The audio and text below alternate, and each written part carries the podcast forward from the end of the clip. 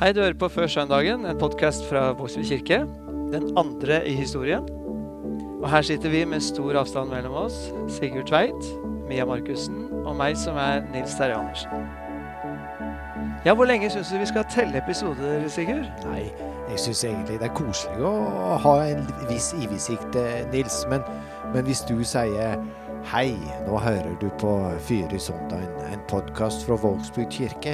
Den 50 444 Det blir surr. Det blir lenge til. Ja. Men du Sigurd, du snakka jo sist gang om at dette var første venda du var på radioen. Og da tenkte jeg at du kanskje kunne formulert deg litt annerledes hvis det skulle høres proff ut. Du skal bare høre det klippet her fra, fra sist gang, så du kan høre det en gang til. Det er første Venda jeg er på radioen. Mm. Så for meg er det stort. Første venda. Ja, første Ja. vendag. Og så er det, du er strengt tatt ikke på radioen, Sigurd. Nei, er det podkast det heter? Nå blei ble jeg Men nå har vi altså fått så mange reaksjoner. Ikke negative, men tvert imot veldig positive på den dialekta di, Sigurd. Det er faktisk flere som går rundt og kaller denne podkasten for Pødden fyrre sondagen.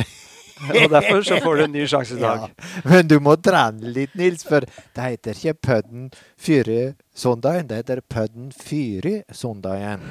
Ok, Pødden fyre sondagen. Det er i hvert fall oss. Ja. ja, men nå eh, I innledningen da, så presenterer du oss, Nils, og, og du sier at, uh, at Mia er her, og, og det er vi glad for. Vi mangler Arild, Ja. og det er jo ikke pga. at han var så dårlig. Nei, nei, nei. Eh, Han hadde en lite feilskjær da han skulle prøve å synge på den der eh, søndagsskolesangen til, til Harald eh, Fjelde. Det var grovt. Men det er ikke de, ja, Han blei ble bleik i frasparket. Han skulle til å synge, og så kom det bare lyd. ja, men det var ikke det som er grunnen til at han, til at han ikke er med. Vi har liksom bestemt oss for at vi skal rullere litt, og i dag har vi Mia med. Mia Markussen. Og det er deilig å ha litt parfymelukt i studio, eh, Nils. det setter jeg pris på. Og så er vi veldig glad for at Mia har kommet tilbake etter barselpermisjon. Vi savna Mia i et år, og det tror jeg mange i menigheten har gjort. Så velkommen, Mia. Ja, Hvordan var det å komme tilbake etter altså Det er en spesiell tid å komme tilbake til. Ja, altså Nå har jo jeg vært i mammaperm i ett år og vært mest opptatt av bleier og gulp og søvn og sånn. Sånn er det jo. Men så har jeg også gleda meg veldig da, til å komme tilbake til jobb, til de fine kollegaene mine. Jeg har gleda meg ja, til å komme tilbake til den der morgenkaffen vi har hver morgen der vi snakker om alt og ingenting. Og så har jeg gleda meg til å være tilbake i jobb og møte menigheten igjen. Rett og slett møte folk. Det ble jeg dårlig med. Ja, det var akkurat det. For det ble jo veldig annerledes, da. For jeg begynte jo på jobb på mandag, tre dager siden. Og så er det jo ikke en sjel her, naturlig nok. Det er det som er litt koselig nå, for nå er vi sammen. Vi sitter veldig langt fra hverandre, da, så at, eh, det er litt eh, unaturlig, men vi ser hverandre i hvert fall. Ja, vi gjør jo det. Og så er det noe fint, for at, eh, nå skal vi snakke om søndagens tekst. Vi har jo ikke gudstjenester i denne tida, men vi har, jo, vi har det. For du, Mia, du skal jo ha gudstjeneste aleine inne i kirka på søndag klokka 11 i alle sted. Mm. Det gjorde jeg sist gang. Det var kjempefint. Og det var folk som var med fra sofakroken. I ånden, for å si det sånn. Eh, men nå skal vi snakke om eh, søndagens prekentekst. Som du, du kommer jo ikke til å holde preken der aleine, tror jeg. Men eh, det syns jeg er litt deilig. At kirkeåret det bare tusler av sted uansett, som det har gjort i mange mange hundre år. Eh, dette er en veldig spesiell tid. Men kirkeåret det sier at nå på søndag er det en festdag. Det er Maria budskapsdag. Eh, og den skal vi ha litt fokus på i dag. Er det noen som, eh, av dere som kan tenke dere hvorfor Maria budskapsdag kommer på denne tida? Midt i fastetiden og alt sånt?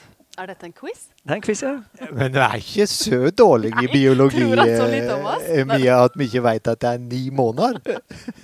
Til Til Jesus blir født på jordløftene eh, i desember. Ja, det er godt, eh, Sigurd. Det er bra gjetta. Men så er det jo også noe fint da med at uh, Maria budskapsdag den ligger veldig tett på vårjevndøgn. Det gjør det. Det går mot vår. Og det er til og med på lørdag. Det er Ja. vårjevndøgn. Det er noe å gjøre. Det er noe å gjøre, og det er et utrolig fint perspektiv eh, i en tid som dette er. Det er håp. Og vi trenger det. Ikke bare et håp om at det skal bli sånn som det var rett før koronaens tid, men håp om at vi skal kunne komme oss gjennom og våkne til noe som er bedre enn det som var før. Et bedre samfunn, og vi tar enda mer vare på hverandre og er mer samla om de viktige tinga. Ja, for i år så satt jeg og, og scrolla på mobilen. Og, og, det er utrolig mye vi bruker mobilen nå for tid. Og da la seg den ene eh, saken om korona etter den andre, og plutselig så dukka det opp en sak om eh, nyhetssak om X on the beach. Og da slo det inn i meg Tru om slik skit iverliver eh, den vekkeren som verden har fengt seg nå. Mm. Det blir en sak fra gamle dager. Fra den tida hvor vi ikke hadde noe viktig å holde på med. Men du, nå er det altså Maria budskapsdag, og jeg har hatt en prat med Karen Kilane om den dagen. Og den teksten det skal prekes over. Ja, Karen, det er ei bra dame. Ja, er det ikke hun som var uh, trosopplærer i Oddernes? Ja, uh, men nå er hun uh, sjavstendig næringsdrivende, heter det. Også, det er dagens nyord uh, fra Kviteseid. Sjavstendig. Nå fikk vi et i forrige gang, så tar vi et nytt utlån. Hørt er det, via. Hørt er det. Karen er sjavstendig. Men så har hun, uh, på litt flere, flere bein å stande på. Hun er nedsjå biskopen og jobber med markedsføring der. Og så bor hun på Flekkerøya. Hun er gift med Frank Otto og har 1044 venner på, på Facebook. Ei kreativ dame. Ja, aktiv dame. Og ei klok dame. Og ei dame som eh, har mange gode ting å bringe til torgs. Mm. Men før vi tar den samtalen med henne, så leser vi søndagens tekst. Og det gjør du, Mia, siden du er ny på jobb. Prekenteksten den står skrevet i Lukasevangeliet i kapittel 1, vers 26-38. Men da Elisabeth var i sjette måned, ble engelen Gabriel sendt fra Gud til en by i Galilea som het Nasaret, til en jomfru som var lovet bort til Josef, en mann av Davids ett. Jomfruens navn var Maria. Engelen kom til henne og sa, Vær hilset, du som har fått nåde. Herren er med deg. Hun ble forskrekka over engelens ord og undra seg over hva denne hilsenen skulle bety. Men engelen sa til henne, Frykt ikke, Maria, for du har fått nåde hos Gud. Hør, du skal bli med barn og føde en sønn, og du skal gi ham navnet Jesus. Han skal være stor og kalles den høyeste sønn, og Herren Gud skal gi ham hans far Davids trone. Han skal være konge over Jakobs hus til evig tid, og det skal ikke være ende på hans kongedømme. Maria sa til engelen, Hvordan skal dette kunne skje når jeg ikke har vært sammen med noen mann? Engelen svarte, Den hellige ånd skal komme over deg, og den høyestes kraft skal overskygge deg. Derfor skal barnet som blir født, være hellig og kalles Guds sønn. Og hør, din slektning Elisabeth venter en sønn, hun også på sine gamle dager. Hun som de sa ikke kunne få barn, er allerede i sjette måned. For ingenting er umulig for Gud. Da sa Maria, Se, jeg er Herrens tjenestekvinne. La det skje med meg som du har sagt. Så forlot engelen henne.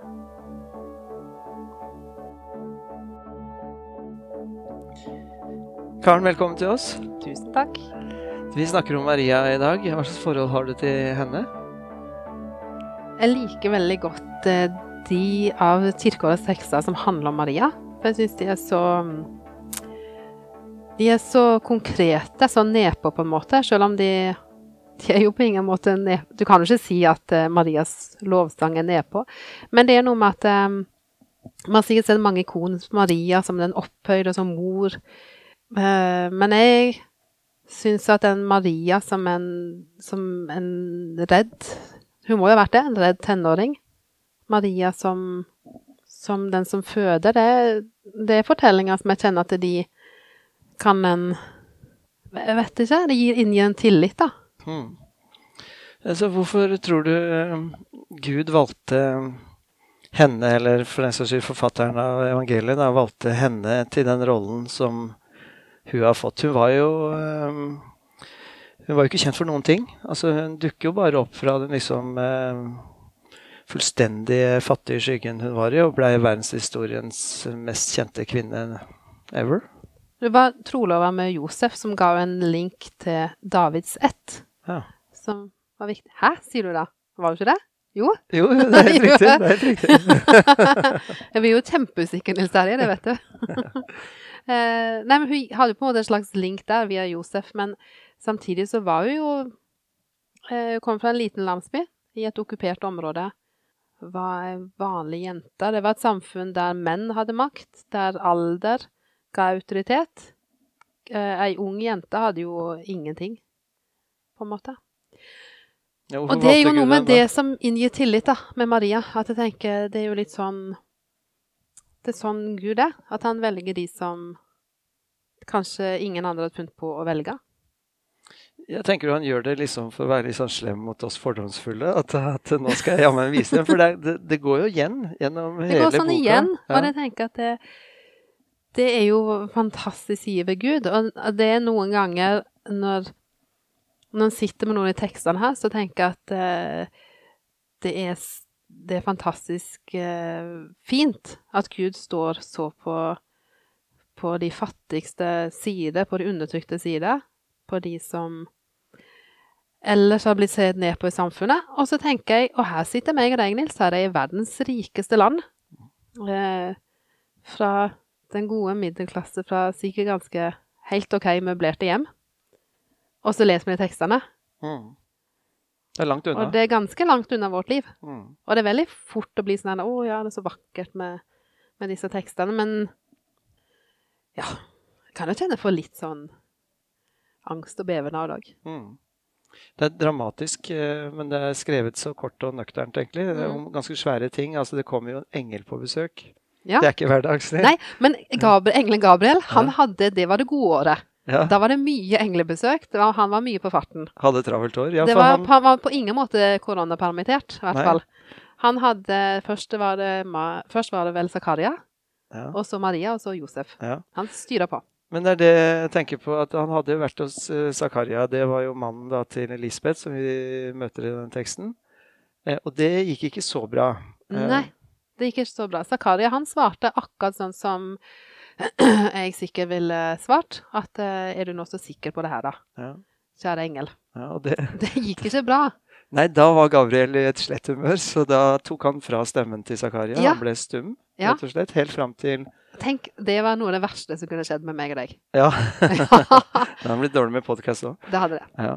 Men eh, det var han helt fram til uh, han fikk dette barnet, som han egentlig ikke trodde han skulle få, Johannes. Um, men Maria Det går ikke sånn med Maria. Hva er det hun gjør for noe riktig da, i møte med Gabriel? Det står at uh, Maria hun eh, blir uh, forundra. Mm. Og det er jo litt eh, eh, en, en naturlig det må jo være naturlig at en blir redd i møte med en engel. Derfor er det også naturlig at engler sikkert alltid sier 'frykt ikke'. Eller det er nå det det står i Bibelen. At engelen kommer og sier 'frykt ikke'. Det må jo være for at det må jo være liksom fryktinngytende, et sånt møte. Mm. Men så det at Maria ble forundra. Og så, og så godtok hun den nåden. Engelen sa du har funnet nåde hos Gud, og så virker det som Maria på en måte bare godtar det. Og stoler på det. Mm. Hadde du gjort det? Eh, nei, i hvert fall ikke innholdet i budskapet, men det er kanskje det som er eh, fascinerende med den teksten, er at hun, hun tror hun har fått nåde. Um, og det er kanskje erfaringen hun sitter igjen med. At hun har blitt sett og har fått nåde, og så har hun fått kanskje tidenes mest utrolige budskap. I hvert fall hvis hun ikke da hadde vært sammen med mannen. ikke sant? At hun skulle få et barn, og han skulle være verdens frelser, og sånne ting. Kanskje det er litt vanskelig for henne å tro. Eh, men med det, det tar hun og grunner på i sitt hjerte. Og, eh, og der ligger det og kanskje vokser. Eh, og akkurat som barnet etter hvert begynner å vokse i hennes mage. Og det tenker jeg eh, kanskje sier noe om hva tro er, da. Eh, det er litt vanskelig å tro på disse påstandene for mennesker flest. At han gikk på vannet, at det ene og det andre men troen starter kanskje ikke der. Den starter kanskje akkurat der med, som det skjedde med Maria, at hun opplevde å få nåde.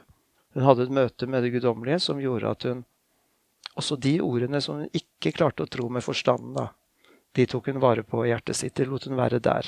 Det syns jeg er en fin ting som jeg, som jeg prøver å på en måte etterleve. da. Mm.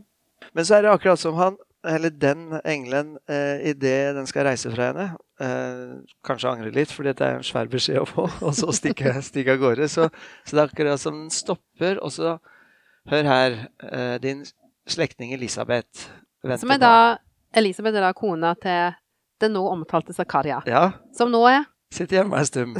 Hun er gravid. Ja. Og så er, er det akkurat som han sender eh, Maria dit. Ja. Hvorfor tror du han gjør det? Og så skal det også sies at denne Elisabeth var jo for gammel til å få barn. Hun var for gammel til å få barn. Og Så hun, det at Elisabeth er ved barn, er jo en sjokkerende opplysning i seg sjøl. Det er det. Maria. Ja. Kanskje en trosstyrkende, da? Eller vet jeg ikke. Men i hvert fall, hun bor et godt stykke unna, nede ved Jerusalem. ja, og jeg har egentlig sett for meg at når Maria går mot Elisabeth, så, tenk, så har jeg tenkt at det må vært så spennende for Maria å være på vei der. For jeg tenker, hvis du kommer nå til Elisabeth, og Elisabeth ikke er gravid, hva hun skal hun tro da, på en måte? Mm. Men hvis du kommer inn og går over dørterskelen inn til Eller dørterskel var det kanskje ikke, men nå kommer til Elisabeth, og hvis du er gravid, så tenker jeg at det må ha vært litt eh, spesielt. Det Da gikk disse ordene hun hadde grunna på hjertet, Ja. eh, også opp i forstanden hennes. At tenkte at dette er faktisk mulig. Mm.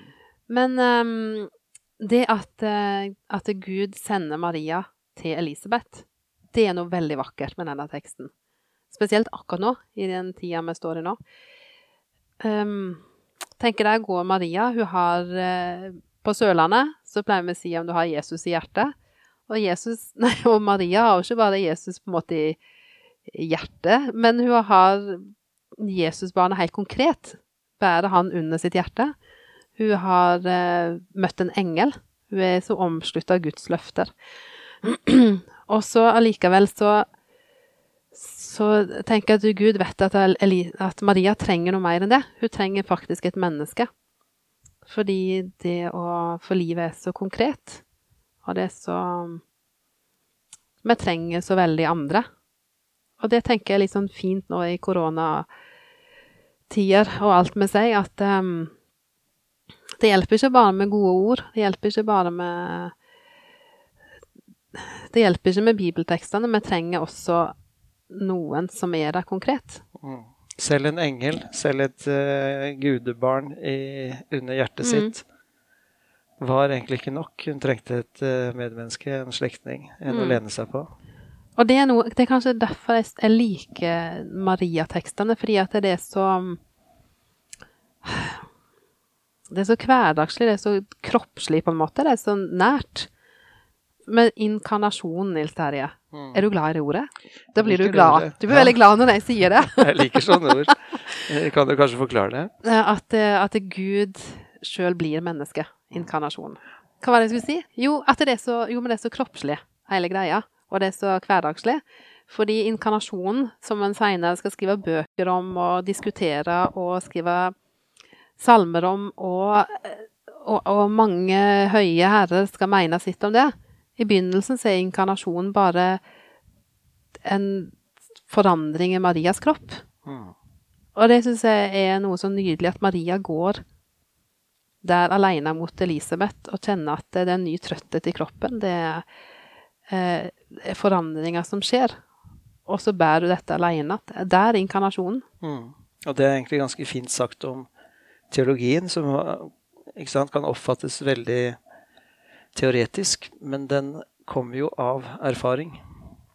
Mm. Det er jo ord som ikke blir brukt av engler eller evangelister, inkarnasjon eller treenighet, som vi brukte seinere. Det finnes jo ikke i tekstene, men det er nettopp deres erfaring med eh, den, de opplevelsene de hadde med Jesus, med dette budskapet. Det blir til teologi. Hun opplever disse tingene. Opplever å møte nåde. Hun blir sendt opp til Elisabeth. Det demrer for henne. Det er en, eh, en eh, bevegelse eh, i henne, og som også er fysisk i henne. Det er erfaring. Um, Og det er ikke liksom at hun tar stilling til påstander sånn kjekt uten videre. Engelen ser ikke for seg det. Så det er nettopp derfor hun går på denne lange reisa mot Jerusalem, i nærheten der hvor Elisabeth bor. Fordi tro er bevegelse i retning av noe, og det er ikke først å godta en mengde påstander, men det er først å møte han som kommer oss i møte. Enten som en engel eller som et barn. På så utrolig mange måter. Det liker jeg veldig godt med denne fortellingen. Den er jordnær, som du sier. Midt i alt det utrolige. Nå er jeg opptatt av det trosspørsmålet, men vi lever jo også i en eh, koronatid. Har den fortelleren deg noe om, om det? Etter søndagens tekst så kommer den teksten som var fjerde søndag i advent, som er Marias eh, At Maria kommer til Elisabeth. De to møtes. Det står at fosteret i Elisabeths mage Hva står det? Var det en bevegelse? Var det et spark? Hva var det? Ja, det, kaster, de slår kolbøtter, på en måte? ja, ja. ja, hvis du sier det, så er det ja. Og så da Da har jo på en måte Maria kommet fram dit og har blitt sendt. Elisabeth er gravid. Jeg tenker jeg må begynne å demre fullstendig at nå er det Nå er det sånn det er. Nå er det den nye tid. Og så, og så begynner, Elisabeth, nei, så begynner Maria å synge. Og så får vi Marias lovsang, som var teksten fjerde søndag i advent. Magnifikat. Magnifikat. Som er en nydelig, nydelig sang. Det er det er ingen svevende lovsang, det er ingen ord om hva Maria sjøl skal klare å mestre. Det er lite fokus på henne sjøl. Men det er en, en sånn klar og tydelig tale om hvem dette barnet er, og hvem Gud er. Og lovsangen tar et utgangspunkt i hennes jødiske røtter og den lovsangen som hun kjenner derfra. Den lovsangen er så tydelig på å stille Jesus på de, på de undertrykte sider. Så den Marias lovsang, den eh, ble rett og slett eh, forbudt av militærjuntaen i Argentina. Fordi at hun For den er så sterk i seg sjøl. Eh, og den var Jeg tenker på denne lovsangen, jeg tenker på Marias Jeg tenker på Maria, jeg tenker på Jesus og den han skulle bli, som, som passer på de syke, som, som så de som ingen andre så, som hele veien var opptatt av å bøye seg nedover og nedover og nedover. Og når jeg leste teksten nå og tenkte på Maria, så kjente jeg bare Maria, du skulle sunge litt for oss nå. Mm. Nå skulle du tatt oss opp på ditt moderlige sang, fang, og så skulle du sunge oss Du skulle sunge for oss. Mm. For akkurat nå så kan vi ikke besøke våre egne foreldre engang. Og, og jeg tenker at eh, Maria skulle sunge for alle som er redde og syke. Og så tenker jeg på at Maria Maria sang. Da tenker jeg på barna i Moria. Barna i flyktningleir i Nord-Uganda. Når koronaen kommer dit, hva da? For vi skal klare oss. Som vi snakker om, vi bor her i verdens rikeste land. Vi har så mange ting. Men når jeg tenker på søndagens tekst, så tenker jeg på hva med de som Vi vet hvor mye dette koster oss. Vi vet hvor vanskelig dette er for oss. Det er grusomt. Og så vet vi at det kommer til å slå enda hardere ut for andre. De som Maria, og som Jesus, stiller seg på siden av. Og nå fikk jeg lyst til å lese litt av sangen hennes. Min sjel opphøyer Herren, synger hun, og min ånd fryder seg i Gud min frelser. For han er sett til sin tjenestekvinne i hennes fattigdom. Og se, fra nå av skal alle slekter prise meg salig. For store ting har han gjort mot meg, han den mektige, hellig er hans navn. Fra slekt til slekt varer hans miskunn over dem som frykter ham. Han gjorde storverk med sin sterke arm, han spredte den som bar hovmodstanker i hjertet. Han støtte herskere ned fra tronen og løftet opp de lave. Han mettet de sultne med gode gaver, men sendte de rike tomhendte fra seg.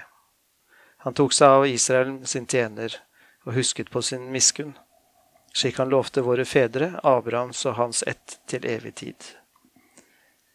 Ja, jeg skjønner nesten juntaen som forbyr mm. en sånn sang, for den er veldig sterk, sånn frigjøringssang som handler om at Gud er helt annerledes enn makthaverne i diktatur, diktaturer og de som holder folk nede. Og den truer dem også. Den sier at eh, eh, han skal støtte herskere ned fra tronen og løfte opp til lave. Så det er en veldig sterk sang fra en fattig jente. Mm. Og vet du hva jeg syns er fint med Maria? Et fint perspektiv? Det er det at eh, Jesus har jo vært en treåring, og en fireåring, og en syvåring, en åtteåring. Og eh, sant? Nå er ikke jeg liksom teologen her, så jeg aner ikke hvor mye på en måte Gud har lagt i ham av de tingene her. Men, men som foreldre så vet vi det at det, noen må jo lære barna de tingene her. Noen må, noen må lære de å si unnskyld når han har gjort noe galt. Noen må lære de å å bry seg om andre enn seg sjøl. Empati er noe vi lærer. Og det tenker jeg tenk at, tenk at Maria så konkret har trøsta Jesus når han fikk skrubbsår på kneet. Hjulpet til sikkert når det var konflikt i gata. Og bedt for han når han var lei seg og redd. Det er, Det syns jeg er vakkert. det er fint. Ja, det er liksom hele et enormt mysterium. Eh, og sånn blir jeg veldig oppløfta av som prest og troende, det å kunne tro på en Gud som velger å gjøre det sånn. Mm. Få skrubbsår, som du sa. Eh, være en som trenger menneskers omsorg. Og som dermed også kaller på menneskers omsorg. Eh, ved bare å være til. Eh, og det er jo et håp for vår tid også, at eh, Guds nærvær kan kalle på vår evne til å trøste hverandre, hjelpe hverandre. Og jeg tenker sånn som Gud sendte Maria til Elisabeth, fordi at Maria òg trengte at eh, hun trengte noen som kunne hjelpe henne helt konkret. Få jo næringsrik mat, selv om hun sikkert kasta opp eller var kvalm. Som kunne forklare henne hva som skjedde, som kunne gi henne en slags ro i en forvirrende situasjon det kan være å være gravid. Sånn tenker jeg at eh, Sånn tenker jeg at Gud må jo se at vi trenger hverandre nå. Vi trenger at noen handler matvarer hvis en sjøl ikke tør å gå på butikken. At noen ringer på FaceTime og viser et ansikt. Nå trenger vi hverandre. Veldig praktisk, veldig konkret. Og det syns jeg er en fin påminning fra teksten. Helt enig. Så fint, eh, Karen, at du eh, ville være med på denne samtalen. Du sa to-tre ganger at du ikke var noen teolog. Det tenker jeg er et slags sånn Maria-kompleks. Altså prøver å gjøre deg veldig ydmyk. Men det, Ja, det var så veldig godt å sitte og høre på deg og prate med deg. Ja, det var Karen. En uh, ydmyk Karen. Uh, og klok, syns jeg. Uh, hva tenker du på, Mia, etter å ha hørt det? Nei, jeg syns det var så veldig spennende det hun sa om at Jesus har jo mest sannsynlig fått noen skrubbsår på knærne en gang. Det var så veldig konkret, da, og så utrolig nært. Og at Maria har gått så tett ved sida av Jesus som mor, og lært han alt eh, mulig, da. Alt, sånn, alt fra å liksom, trøste han til å gå ved siden av han, til å lære medlidenhet. Altså å være foreldre. Jeg ble liksom fascinert av det perspektivet, at Gud er så menneskelig, da. Ja, og, og, det som jeg eh, satt og tenkte på da når jeg hørte på samtaler mellom eh, Karen og, Nils, det var Jeg så plutselig for meg eh, den der byen Nasaret som ligger i skråningen der, og litt oppi skråningen så, så er det et hus som, som Maria bor i sammen med foreldrene sine og søs- søsknene sine. Og, og når hun veit at nå er jeg gravid. Den der følelsen av at hun må eh, snakke med pappaen sin og si det. Du, pappa, nå er jeg gravid. Og, og det er en engel som har fortalt meg det. Og det er Den hellige ånd som har kommet over meg. Det må ha vært utrolig vanskelig for en, eh, en tenåring på den tid i et slikt samfunn der uh, slike ting var veldig touchy. Hun risikerer å bli steina. Ja, det, det, ser, ut. det ser vi eh, 33 år eller 32 år seinere, når Jesus sitter under Salomons søyleganger og hører den mobben kjem, og han ser de kjem dragende med ei jente som er blitt tatt i ekteskapsbrudd. Og eh, straffa i den kulturen, det var steining. Og alle tar en stein, og Jesus sier så klokt, den som aldri gjort noe galt, han kan kaste den første steinen. Og så, så ender det òg opp med at uh, han og hun er der alene, og Jesus sier heller ikke jeg fordømmer deg. Gå bort og synd ikke mer. Det er mange ting her som, som gir tanker om at uh, det var en uh, Gud gjorde seg nokså sårbar når han, når han flytte inn i Maria, for å si det slik, i et uh, ungt jentebarn i Nasaret for 2000 år siden. Jeg forestiller meg litt at de, de var litt mer romslige oppe i Galilea der enn de var i Jerusalem. Det driver jeg og tenker litt på. Men det, uansett så var det en, en veldig vanskelig situasjon som hun sto i. Og som du sier, det der at vi vi tror ikke på en, en sånn uh, majestet uh, som ikke har en flekk på seg.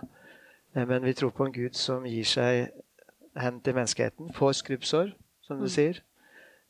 lever sammen med oss, de sårbare, de utsatte. Og som viser, på den måten viser oss himmelriket. Det syns jeg er utrolig fint. Men Mia, hvis du skulle Du skal jo ikke preke da på, på søndag, men hvis du skulle preke likevel.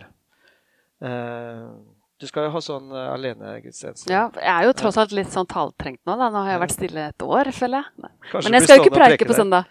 Jeg skal jo ikke det, Men jeg skal ha denne gudstjenesten som du nevnte tidligere. Uh, denne i alle sted. Som vi legger ut den liturgien på Facebook, så alle kan være med på søndag klokka 11. Jeg kommer til å være aleine i kirka. Men det er noe fint med det, da. Mm, liksom med i ånden, som Paulus alltid snakka om. Ja, ikke sant? Det gjorde jeg forrige søndag. Det var, ja, det sa jeg. Det var utrolig sterkt å stå i prekestolen. Nei, ja. i prekekjolen. Stå i prekestolen i det store kirkerommet og likevel ikke føle meg aleine. Ja, for du følte deg ikke aleine? Nei, eh, jeg gjorde ikke det. Nei. Så tror jeg de skal streame fra gudstjeneste i Domkirka. Og så veit jeg at Jens Ola Justvik, sogneprest på Tveit, han skal ha sånn driving-gudstjeneste. Og folk kan sitte i bilene sine utafor Tveit kirke. Det er kult. Ja, ja drive-in-gudstjeneste, det er tøft. Jeg vet ikke så gammel uh, Tveit uh, kirke er. Fra 1100-tallet. 1100-tallet, Så, så da, har den, da har den vært gjennom pest og kolera og Hundreårskrig. Hundreårskrig. Han har opplevd mye. Ja. Og nå til søndagen er det klokka 11. Ja. Mm. Da opplever en drive-in-gudstjeneste. Ja. Kirkeåret går sin gang. Og det er veldig tøft. Men Mia, hvis du skulle prekt, mm. hva hadde du tatt med deg nå når du skulle sitte og skrive preken? da? Jeg tror kanskje jeg ville sagt noe om ydmykhet. Det har vi ikke vært borti i denne praten her nå, men jeg tror jeg ville snakka noe om ydmykhet. For det er noe med det der Maria svarer engelen. Hun sier jo 'Jeg er Herrens tjenestekvinne, la det skje med meg, som du har sagt'. Og det er så fromt, og det er vakkert. Og jeg har hørt ganske mange andakter og prekener om det, og det er jo for så vidt fint, det. Men akkurat det ordet, ydmykhet, det syns jeg er vanskelig. Jeg syns det er litt vanskelig at Maria skulle være så ydmyk. Så det er derfor du vil preke om det? jeg blir jo litt trigga av det, da. Fordi det er jo forskjell på ydmykhet. Ikke sant? Det er forskjell på en sunn og en usunn ydmykhet. For en ydmykhet som er påtunga av meg av andre, den er usunn. En ydmykhet som handler om selvforakt eller frykt, er også usunn. En ydmykhet som er fylt av bitterhet, er i hvert fall usunn. Men den ydmykheten som handler om at jeg har selvinnsikt og er klar over mine egne begrensninger, den er sunn, tror jeg. Og en ydmykhet som fyller meg fordi jeg står overfor en Gud som har skapt meg, og som har skapt alt og alle, den er sunn. En ydmykhet som gir rom da, for selvtillit og stolthet og glede. Uten å være hovmodig, selvfølgelig. Den er sunn. Så tror jeg at eh, mange, kanskje særlig oss damene, da, vi har hatt altfor mye av den der usunne ydmykheten. Og så Dessverre så har også kirka en tung historie på at den i hvert fall i perioder har vært med og bidratt til det. Og derfor er Maria budskapsdag så viktig, da. Så jeg ville ha preika om det. Om Guds mor og, og Maria som både er ydmyk og lydig i forhold til det hun får beskjed om fra Gud, men eh, som samtidig er sunn. Har en selvbevissthet, da. Et stort mot og en glede. Og eh, når en møter slike mennesker som har en sunn ydmykhet, da det er veldig behagelig. Det er gode mennesker å møte. Takk skal du ha, Sigurd. du tar det som et kompliment? Nei, det var en uh, Jeg skulle gjerne hørt den preika di, Mia. Det får vi ikke gjort, men det var fint å høre på nå. Nå må vi lande, og da må vi minne folk på å ta vare på seg selv og hverandre. Ta de telefonene som du aner at du burde ta. Hjelpe hverandre og stå sammen i denne tida her. Og ta med seg denne velsignelsen som dere får nå. Herren velsigne deg og bevare deg. Herren la sitt ansikt lyse over deg og være deg nådig. Herren løfte sitt åsyn på deg og gi deg fred. Amen.